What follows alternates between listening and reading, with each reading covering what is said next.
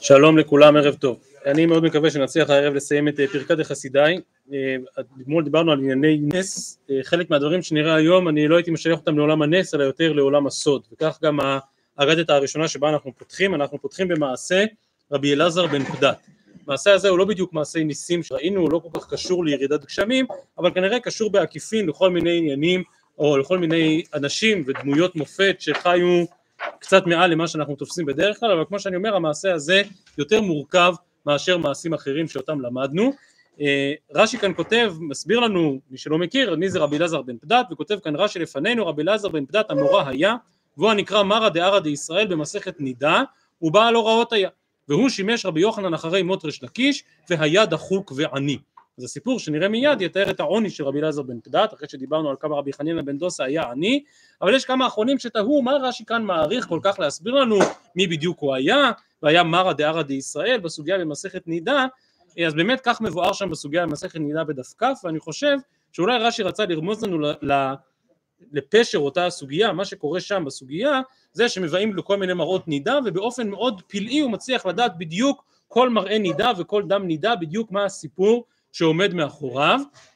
ואז ניגש אליו אחד התלמידים ושואל אותו, רבנו איך ידעת? מניין לך? והוא משיב לו, סוד השם ליראיו. כלומר, הוא מבין שרבי אלעזר בן פדת יודע דברים שהם כדרך הסוד. ובאמת הסוגיה שנראה מיד היא סוגיה שהיא כדרך הסוד. אגב מאוד מעניין, הסוגיה שם בנידה בדף כ מאוד דומה לסוגיה שראינו אתמול על איפרא הורמיז ורבא. גם שם בנה של איפרא הורמיז אומר היהודים האלה הם סתם מספרים סיפורים, אין להם שום דבר מיוחד, וגם שם אמא שלו אומרת תדע לך הם אנשים שיודעים דברים שאחרים לא יודעים, ממש כמו שראינו אתמול. וזה אני רק אומר בסוגריים.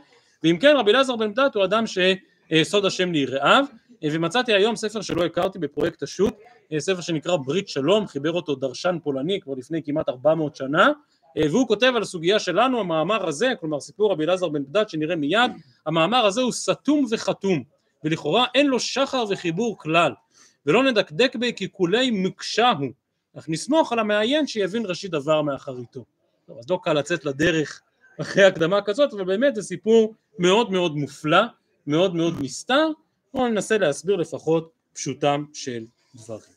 אז אנחנו בגמרא בדף כ"ה עמוד א', זה קצת לפני השורות הכי רחבות, אחרי העיזים שמביאים את הדובים בקרניים. מספרת הגמרא רבי אלעזר בן פדת דחיקה לי מילתא טובה. מה זה מילתא? אחרי כל מה שאמרנו ואחרי כל גדלותו בתורה, אבל היה עני מרוד, היה דחוק עד למאוד, עבד מילתא, עבד מילתא הכוונה הקיז דם, עבר איזושהי פרוצדורה רפואית, כבר דיברנו עליה אצל אבא אומנה בפרק הזה, ולא הווה לי מידה למטעם, כידוע אחרי הפרוצדורה הזאת של הקזת דם חייבים לאכול משהו, אבל היה כל כך עני שלא היה לו מה לאכול אחרי הקזת הדם. שקל ברא דתומא ושדיה לפומי. הדבר היחיד שהצליח למצוא לאכול זה קליפת שום. טוב, זה תמיד, ברור שזה לא סתם בחור כאן קליפת שום, קליפת שום בכל מקום מבטאת את הדבר הכי פחות שיכול להיות, וזה מה שהוא מצא. ובאמת, אחרי פרוצדורה כזאת, איבד הרבה דם, לא השלים את האוכל, חלש ליבי ונעים. עכשיו ברור שהשינה הזאת היא לא סתם שינה, אז אנחנו היינו קוראים לזה עילפון, הוא פשוט התעלף ואיבד את הכרתו אחרי אותה פרוצדורה. אזול רבנן לשיולי בי, שמעו שרבן עזר בן בדת התעלף אז מהר באו לסייע לו, חזיוהו דקבחי וחייך ונפו קצוציתא דנורא מהפוטי. כלומר רואים אותו תוך כדי העילפון שבהתחלה הוא בוכה, סליחה בהתחלה הוא צוחק ואז הוא בוכה ואחר כך יוצא מין איזשהו לפיד של אש, או ממש יוצאת אש מפניו. כי יתער, כאשר הוא קצת התאושש, אמרו לי, מה איתה מה קבחית וחייך, מה, מה, מה קרה שם, מה ראית תוך כדי שהיית מאולף? אמר להוא, הווייתיב עימי הקדוש ברוך הוא. בזמן העילפון ממש ישבתי יחד עם בורא עולם, ואמרי לי, אמרתי לו, ריבונו של אוילו, עד מתי אצטער בהאי עלמא? כמה אפשר להמשיך ככה, אין לי כלום, אפילו משהו להכניס לפה אחרי הקזת דם, אין לי. ואמר לי אלעזר בני, ניחא לך דאפחי לעלמא מרישא אפשר דמתיילדת בשעתא דמזוני. בשבילך לא עד חצי המלכות, אלא הכל. אני מוכן, עכשיו יש פה מחלוקת בין המפרשים, פשט הגמרא, אני מוכן להפוך את העולם. בוא נחריב את העולם, מי נוח כזה, בוא נחריב את הכל. נתחיל הכל מחדש, בואו נראה אולי תצא במצב יותר טוב. יש כאלה שלא קיבלו פירוש כל כך מרחיק לכת ולכן הם אומרים לא לא לא לא להרחיב את העולם אלא להרחיב את עולמך. במילים אחרות אני מוכן לקחת אותך להחזיר אותך עוד פעם בגלגול, תתחיל הכל מההתחלה ואז יכול להיות שהמצב יהיה יותר טוב. אמרי לקמי כולי היי ואפשר? כלומר, מה הקדוש ברוך הוא עונה לו? אפשר להתחיל הכל מחדש אבל אפשר דמתיילד בשעתא דמזוני, כלומר אולי יצליח לך יותר טוב. ולא ריבונו של עולם כולי היי ואפשר? בגרסת רבנו חננאל כאן כולי היי ואולי? כאילו אם היית מבטיח לי תקשיב בוא תבוא בגלגול חדש אני עושה אותך מיליונר הכי עשיר שיש קדימה אבל אתה אומר לי אולי שווה כל הסיפור הזה בשביל אולי אמרי ליה ומוסיף רבי אלעזר בן דד ושואל את הקדוש ברוך הוא דחיי תפי או דחיינה כלומר בגלגול הזה שאתה מציע לי לבוא פעם נוספת אני אחיה יותר ממה שחייתי עד היום או פחות? אמר לי דחית לא, אתה באמת תחיה פחות שנים ממה שחיית עד עכשיו. אמרי לקמי אם כן לא באינה אם זה מה שאתה מציע לי לחיות פחות שנים אני לא מעוניין. כי רבי אלעזר בן דד מבין שהמתנה הכי גדולה שכולנו קיבלנו, עם כל הכבוד לכסף, עם כל הכבוד לפרנסה, המתנה הכי גדולה שכל אחד מאיתנו מקבל, קיבל ומקבל בכל רגע זה החיים, זה שנות החיים. ולכן אם אתה מציע לי קדנציה יותר קצרה מן הקדנציה שבגלגול הזה, אז אני לא רוצה. אני שמח על המתנה הזאת שנקראת חיים. ולכן אני לא מוכן ללכת על תוכנית פחותה. הקדוש ברוך הוא מסכים על ידו, אמר לי, אמר לי מהי אגרא דאמרת לו באינה יהיבנה לך לעלמא דעתי תלי שרי נהרבתה דמישחה אפרסמון דחיין כפרט ודגלת דמענגת בהו. שכר זה שוויתרת על הנאות העולם ולא רצית לחזור בגלגול נוסף, אני מבטיח לך לעולם הבא שלושה עשר נהרות של אפרסמון. טוב, ברור שהמספר שלושה עשר איננו מקרי ודווקא אותם נהרות אפרסמון, כותב בספר בן ויהודדה כאן, דבר זה הוא עמוק והוא עניין האורות העליונים החצובים ונמשכים מן י"ג מייכלן דרחמה, י"ג מידות הרחמים, שאין שכל האנושי יוכל לצייר בדעתו עונג המגיע מהם איך בדיוק הוא יהיה. ואם כן, אה, רש"י מעיר שרבי אליעזר בן פדת בכה באמירה הקודמת, כלומר כשאמרו לו אתה תחיה פחות, אז הוא אומר אם ככה איננו שווה לי והוא בוכה, ואז כשהקדוש ברוך הוא נותן לו את ההבטחה הגדולה הזאת לשכר שקשור לי"ג מידות הרחמים לעולם הבא, אז הוא צוחק. אבל, וזה אולי החלק הכי מדהים והכי קשה כאן בכל הסיפור, אמרי לקמי, אחרי שהקדוש ברוך הוא מבטיח לו כזה שכר לעולם הבא, אמרי לקמי, היי ותו לא, וזהו. רק שלושה עשר נערות אפרסמון אני מקבל. אין לך עוד איזה נהר אחד, עוד איזה משהו נחמד לתת, כאילו רק שלושה עשר נערות אפרסמון. אמר לי, משיב לי הקדוש ברוך הוא, ולחברך מאי יהיבנא. נו מה, אם אני אתן לך את הכל, אז מה יישאר לי? יש עוד צדיקים בעולם, מה אני אתן לרבי חנינא בן דוסה, מה אני אתן לאחרים? מה אני אתן לך את הכל? אמרי ליה, השבתי לקדוש ברוך הוא, ואנא מגברא דלית ליה בעינא, מגברא דלית ליה בעינא? כלומר, לא הבנתי, אז זה מוגבל? יש משאבים מוגבלים בשמיים, אתה צריך לראות איך לחלק אותם בין הצדיקים? אני מבקש יותר, וזה לא יפגע באף אחד אחר, כי בשמיים יש מספיק.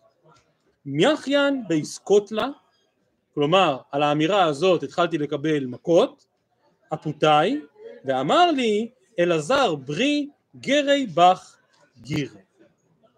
טוב, וזה כמו שאמרתי ודאי מדרש פליאה, כאילו אלעזר בא, רב אלעזר בן פתת בא בטענות לקדוש ברוך הוא, הוא אומר לו למה אתה לא נותן לי יותר? אז הוא אומר מה, צריך לתת לאחרים?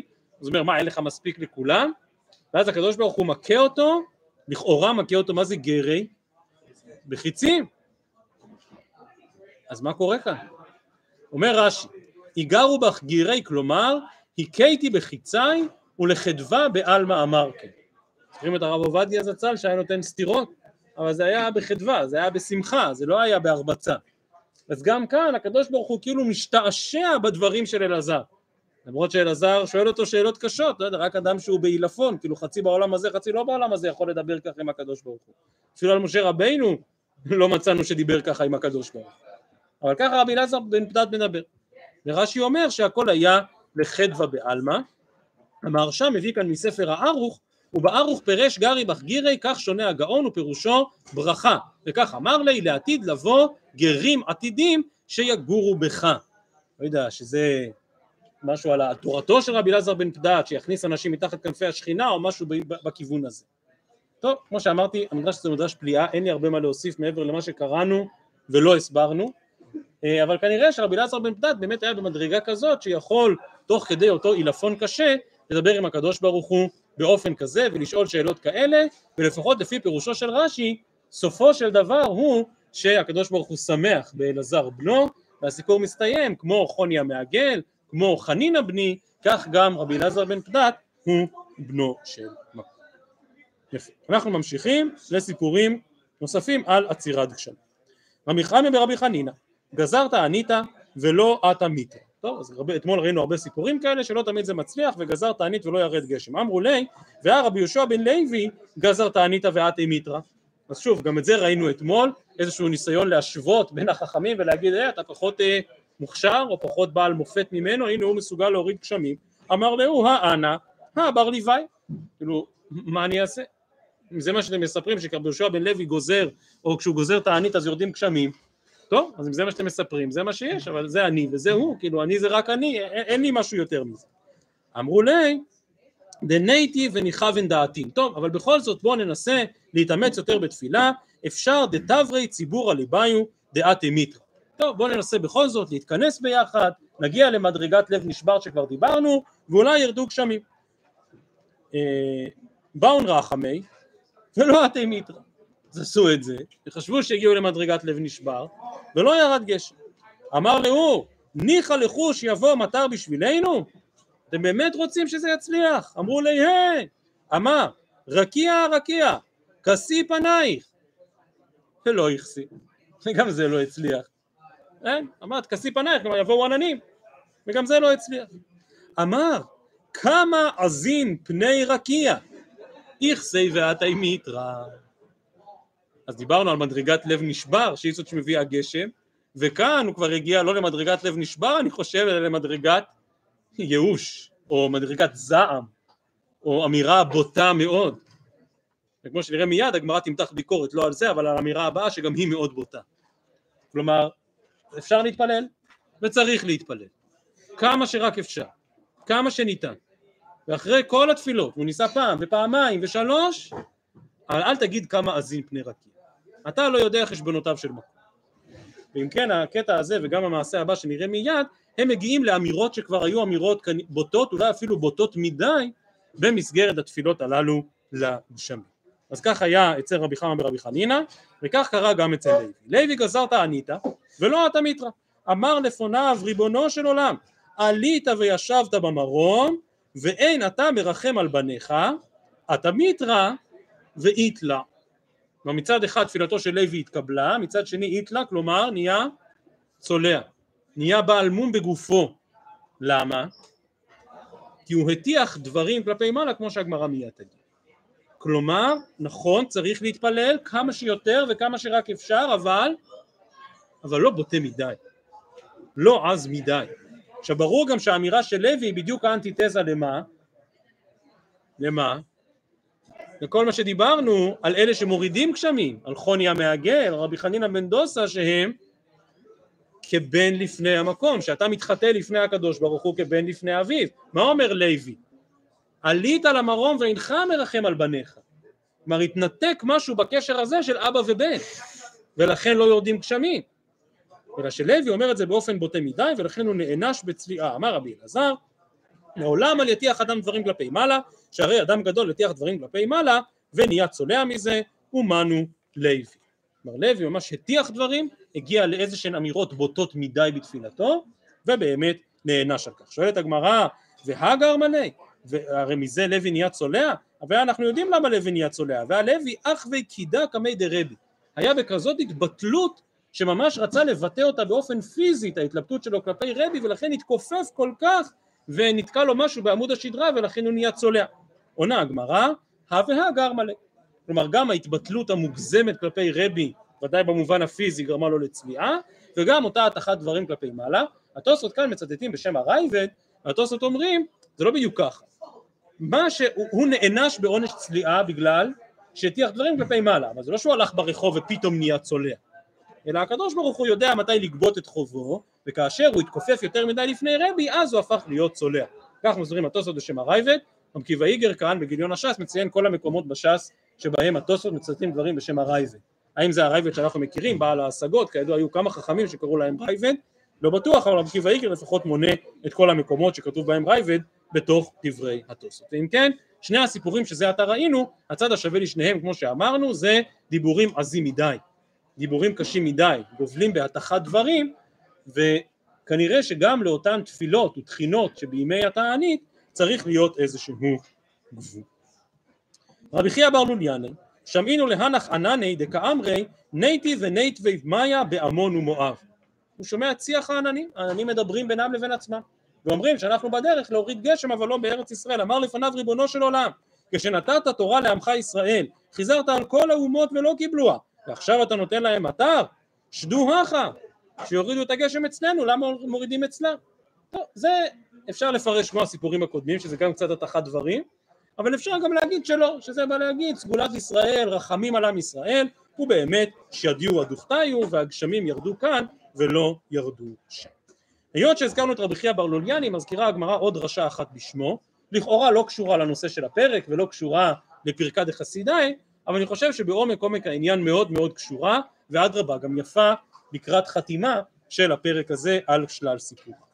דרש רבי חייא בר לוליאני מאי דכתיב צדיק כתמר יפרח כארז בלבנון ישגה אם נאמר תמר למה נאמר ארז? ואם נאמר ארז למה נאמר תמר?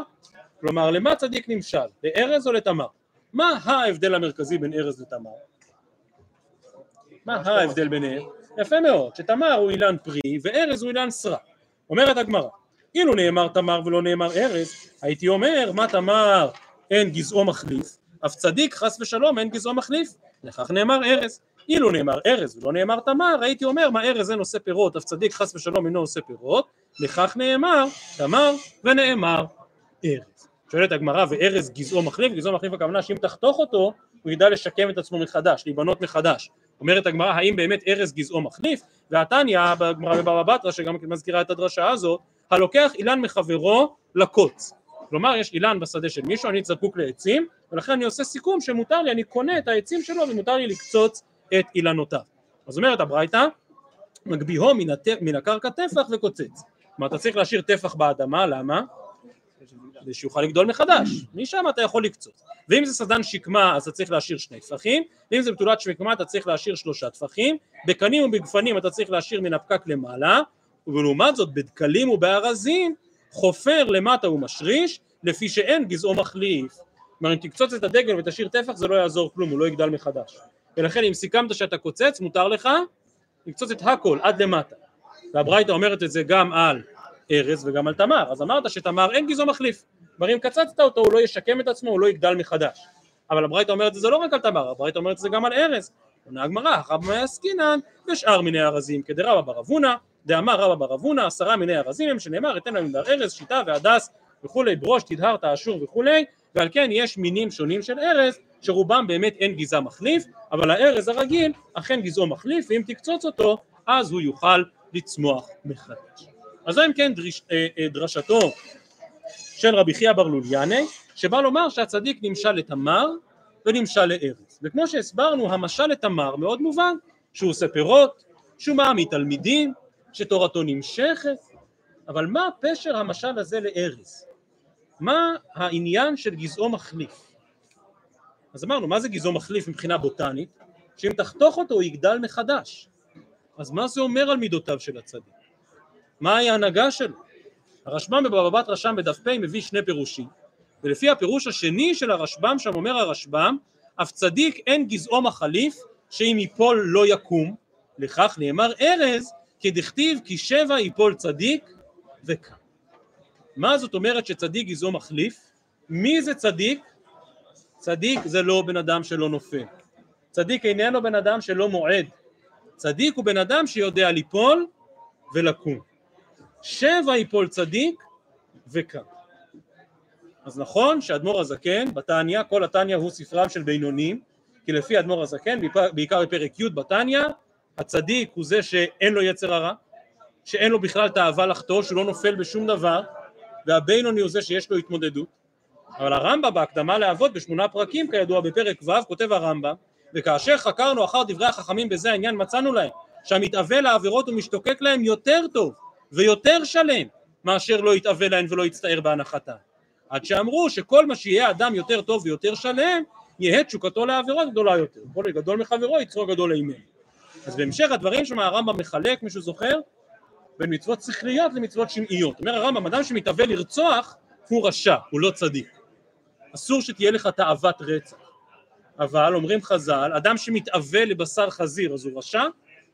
מה פתאום אל תאמר איפשי בבשר חזיר איפשי ואיפשי אני רוצה את זה. אבל מה נעשה? שככה הקדוש ברוך הוא גזר. וזה בדיוק מה שנאמר גם בגמרא שלנו ודאי לפי אותו פירוש של הרשב"ם בבבא בתרא דהיינו שמידתו של הצדיק זה לא שאיננו חוטא ולא שאיננו נופל. אלא שהוא נופל וגם יכול לקום. הוא נופל וגם יכול להשתקם וגזעו מחליף. ועסקנו פרק שלם בחסידיי, פרק שלם בדמויות מופת בחיי האומה ובא רבי חייא ברנוליאני לקראת סיומו של הפרק ואומר דע לך שדמויות מופת זה לא בהכרח אלה שאף פעם לא חטאו שאף פעם לא מעדו הצדיק מידתו זה גם שהוא עושה פירות וזה מובן אבל גם שגזעו מחל וזה אני חושב אמירה מאוד משמעותית לקראת סיומו של הפרק הזה ממשיכה הגמרא, כ"ה עמוד ב' ענו רבנן, מעשה ברבי אליעזר שגזר שלוש עשרה תעניות על הציבור ולא ירדו גשמים. באחרונה התחילו הציבור לצאת. הנה עוד תענית ועוד תענית, הרי שלוש עשרה תעניות זה פרק א', זה, זה בדיוק מה שלמדנו כאן, הסדרה של התעניות. הציבור הרגיש די, זה לא עוזר, חבל על הזמן. שלוש עשרה תעניות ולא נענו. התחילו הציבור לצאת, אמר להם, תיקנתם קברים לעצמכם? תגידו, כל אלה שיוצאים, הם יוצאים כדי לחפור קבר, נכון? כי אם לא נעננו, אז זה, זה, זאת התחנה הבאה מה שנקרא. גאו כל העם בבכייה וירדו גשמים.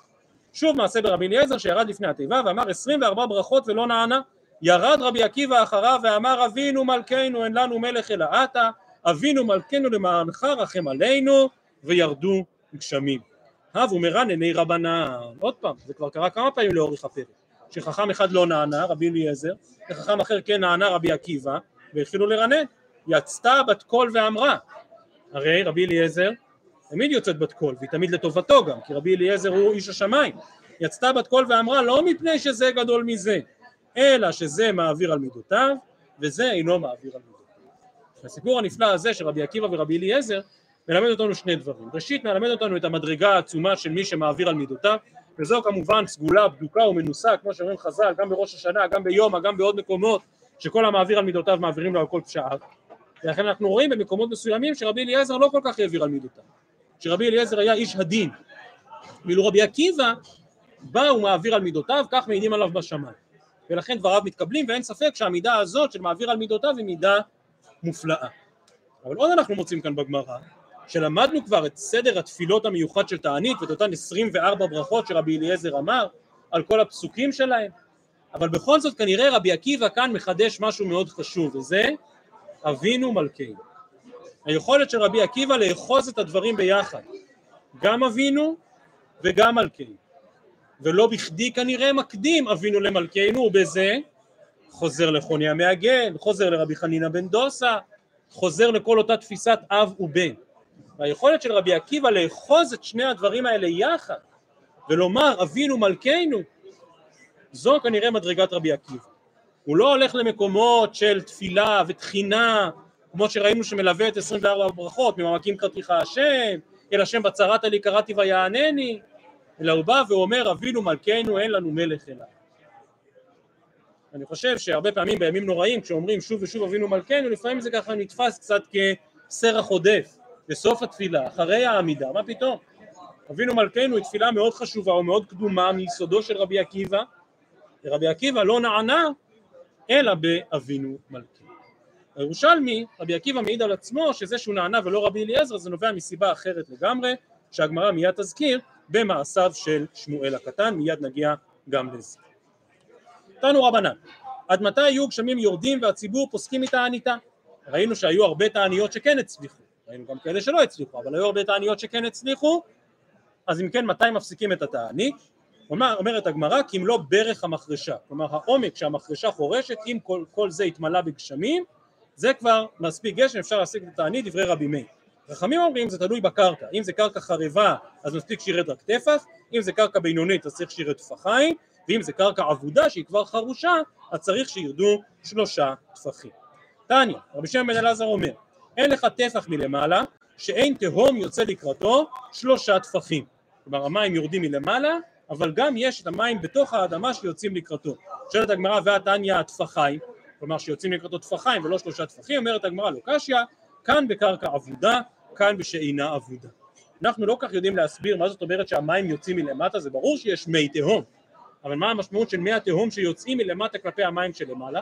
ועל כורחנו שהדבר הזה גם אותו צריך להסביר על דרך הסוד, אז פתחנו היום במעשה רבי אלעזר בן פדת שכולו סוד, ואנחנו מגיעים עכשיו עוד פעם לעניינים שבסוד, כמו שאומרת הגמרא, אמר רבי אלעזר, כשמנסחים את המים בחג, תהום אומר לחברו הבא מימיך, כל שני רעים אני שומע, שנאמר תהום אל תהום קורא לכל צינוריך. מי הם אותם שני רעים?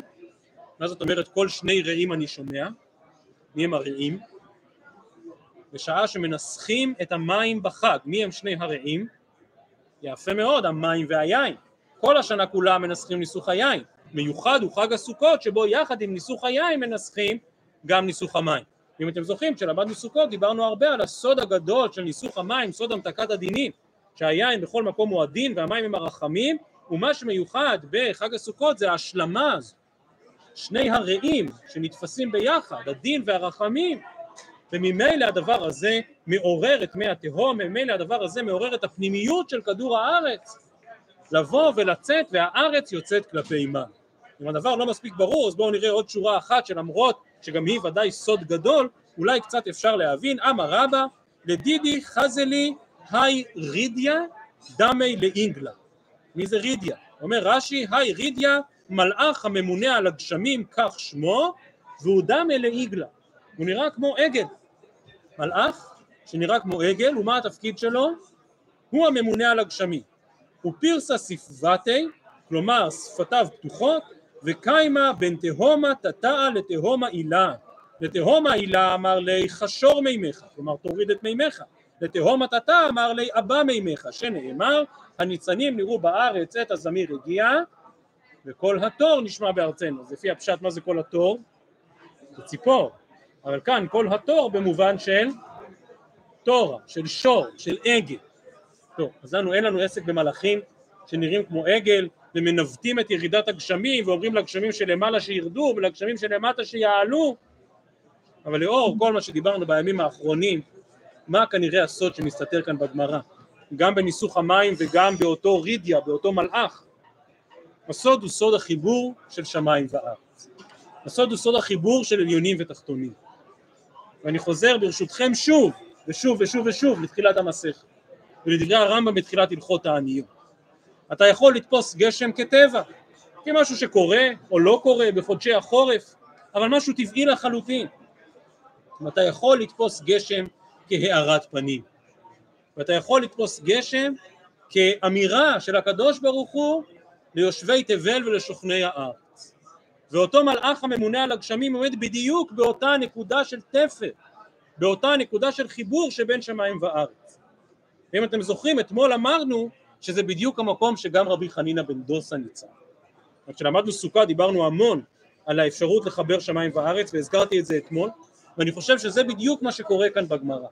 זהו הסוד של אותו מלאך מיוחד. המלאך הזה הוא מלאך שבא לומר שהארץ מחוברת לשמיים. הארץ לא מנותקת מהשמיים, כי אם הארץ הייתה מנותקת מן השמיים אז מה שקורה בה הוא הכל שרירותי, הכל אקראי, אבל מסכת הענית באה לומר חס וחלילה שום דבר לא שרירותי. שום דבר לא אקראי, הכל הוא בגזירת הקדוש ברוך הוא ולא במקרה. ולכן ניסוך המים שמחברים עליונים ותחתונים ולכן אותו מלאך שדם לעגל וכולי וכולי גם הדבר הזה מבקש לבטא את החיבור ואת הקשר שבין שמיים וארץ. בואו נרוץ ונסיים. היו מתענים וירדו גשמים קודם הנצח חמה תנו רבנן, היו מתענים וירדו להם גשמים קודם הנצח חמה לא ישלימו, לאחר הנצח חמה ישלימו דברי רבי מאיר, כלומר אם כבר התחילו להתענות אז היום כבר התחיל וצריך להשלים אותו בתענית. רבי יהודה אומר, קודם חצות לא ישלימו, לאחר חצות ישלימו, והלכה כדבריו, שמה שקובע זה חצות היום. אם ירד גשם עד חצות היום, מפסיקים את התענית באמצע. רבי יוסי אומר, קודם תשע שעות לא ישלימו, לאחר תשע שעות ישלימו, שכן מצינו באחאב מלך ישראל שהתעלם מתשע שעות ולמעלה, שנאמר הראית כי נכנע אחאב וכולי, מפניי ולכן לא אביא הרעה בימיו, מניין לנו שכאשר אחאב נכנע לפני אליהו, כאשר אליהו מוכיח אותו כמובן אחרי סיפור כרם נבות, מניין לנו שזה היה בתשע שעות ביום, זה לא כתוב באף מקום, ורבנו חננאל כאן אומר שכך היה קבלה בידם, שאחאב בסיומו, שהיה יום מאוד עמוס, שהתחיל, היה שם כמה אירועים, שאירוע רדף אירוע, והסתיים בכרם נבות, ובסוף היום בשעה תשיעית אחאב נכנע, ולכן הקדוש ברוך הוא אומר שהרעה תבוא בימי בנו ולא בימיו שלו. טוב, אז רבנו חננאל אומר שזו הייתה קבלה בידם, ואם כן עד תשע שעות עוד אפשר לשבור את הצום. רבי יהודה נשיא הגזר תענית וירדו להם גשמים לאחר הנצח חמה, סבר להשלומינו, שכבר התחילו את הצום וצריך להמשיך, אמר לרבי עמי קודם חצות ואחר חצות שנים. שמואל הקטן גזר תענית וירדו להם גשמים קודם לנצח חמה. כסבורים העם לומר שבחו של ציבור, אתם רואים טרם יקרא ואני אענה, עוד לא התחלנו להתענות וכבר ירד גשם.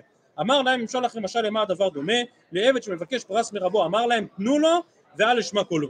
ענוותנותו של שמואל הקטן לא רוצה לקחת את הזכות לעצמו או לציבור בכלל, ואומר לא תמיד זה שהקדוש ברוך הוא עונה עוד לפני שביקשנו זה סימן טוב.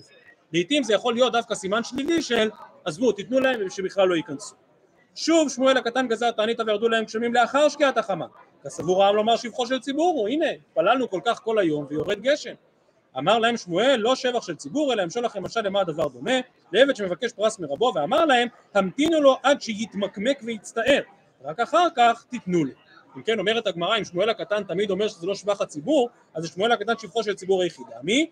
אמר משיב הרוח ונשב זיקה אמר מוריד הגשם ועתה מיתרא וכבר ראינו סיפורים גם כאלה כלומר שמואל הקטן אומר גשמים בעיתם זה שבחו של ציבור.